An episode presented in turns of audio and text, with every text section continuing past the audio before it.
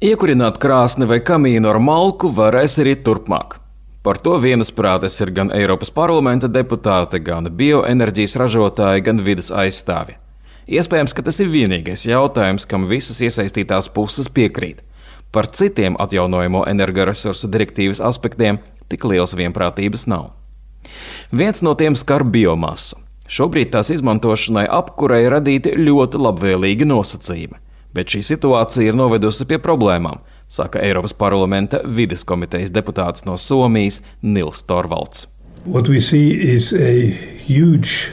Growth of, of biomass in, in the energy mix. Mēs redzam, ka biomasas izmantošana enerģijas ražošanai pieaug milzīgos tempos.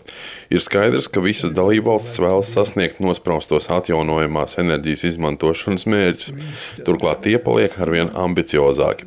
Tādēļ tagad mēs redzam, ka dalībvalstis mēģina sasniegt šo mērķi visneefektīvākajā veidā. Tas nozīmē, ka gluži vienkārši tiek dedzināta koksne, un tas tiek darīts ļoti neefektīvi. Tā ir problēmas būtība inefficient. So that's, that's, that's the core of the problem.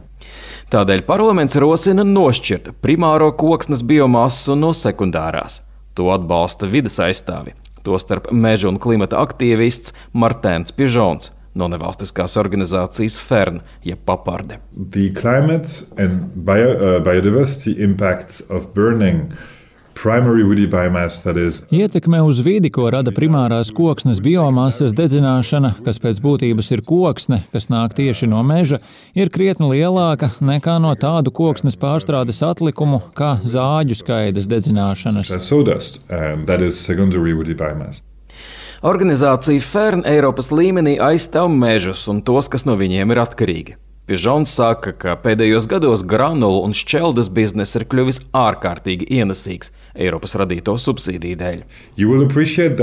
For example, wood pellets uh, used to be done only with sawdust. It used to be a byproduct of, for, of the forestry industries. Agrāk apkures granulas ražoja tikai no skaidām, jo tas bija meža industrijas blakus produkts, bet tagad tas kļūst par tik ienesīgu preci, ka šim mērķim tiek izcirsti veseli meži, pat senie meži Rumānijā un arī Ziemeļamerikā.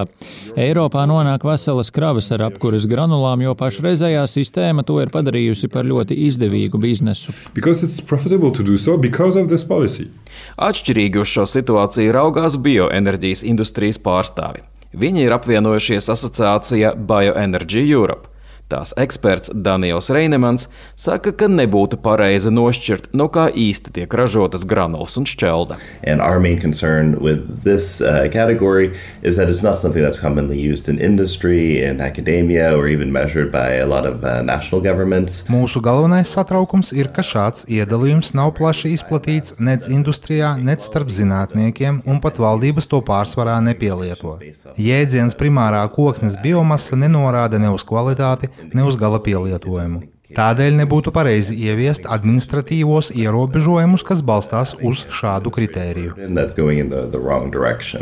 Bioenergy Europe eksperts piebilst, ka biomasas ražošanai bieži vien tiek lietoti nelieli koki, kas ir izcirsti meža retināšanas laikā, lai dotu iespēju citiem kokiem izaugt taisniem un gariem.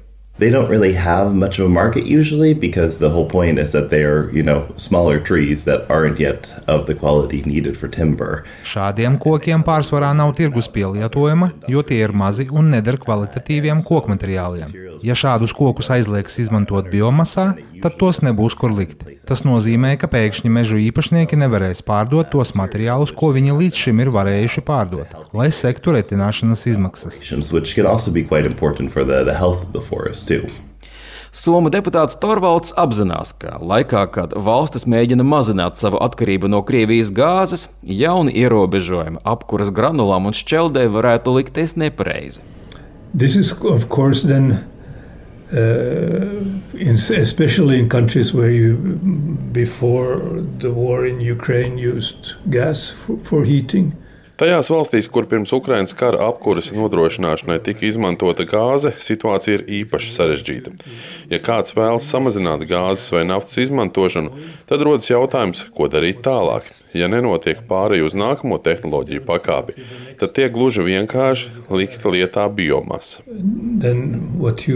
Sort of there. Torvalds min arī piemēru no Vācijas.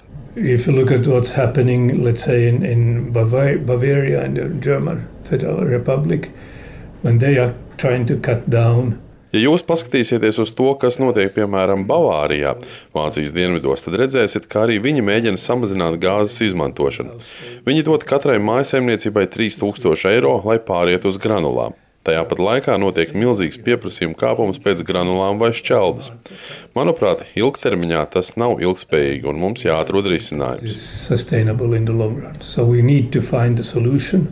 Tādēļ viņš saka, ka deputāti būtu gatavi kompromisa risinājumam bet vēl ir pāragri spriest, kāds tieši tas būs. Tāpat vidas komitejas loceklis piebilst, ka visās Baltijas valstīs nesen ir uzceltas jaunas granulu rūpnīcas. Tās ir investīcijas, ko īpašnieki nevēlas zaudēt.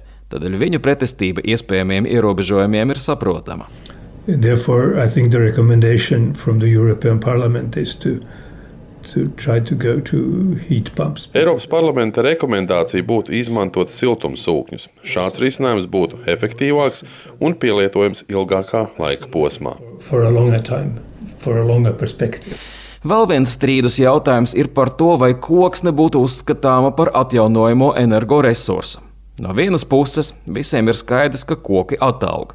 No otras, meža izciršanas, pārstrādes un dedzināšanas laikā rodas CO2 izmeši. Pašlaik par šiem izmešiem nav jāmaksā, bet deputāti rosina mainīt šo sistēmu. To atbalsta arī Martins Pižons no vidas organizācijas FERN burn pretty much the forest of the whole world in EU power plants and still get rewarded for it.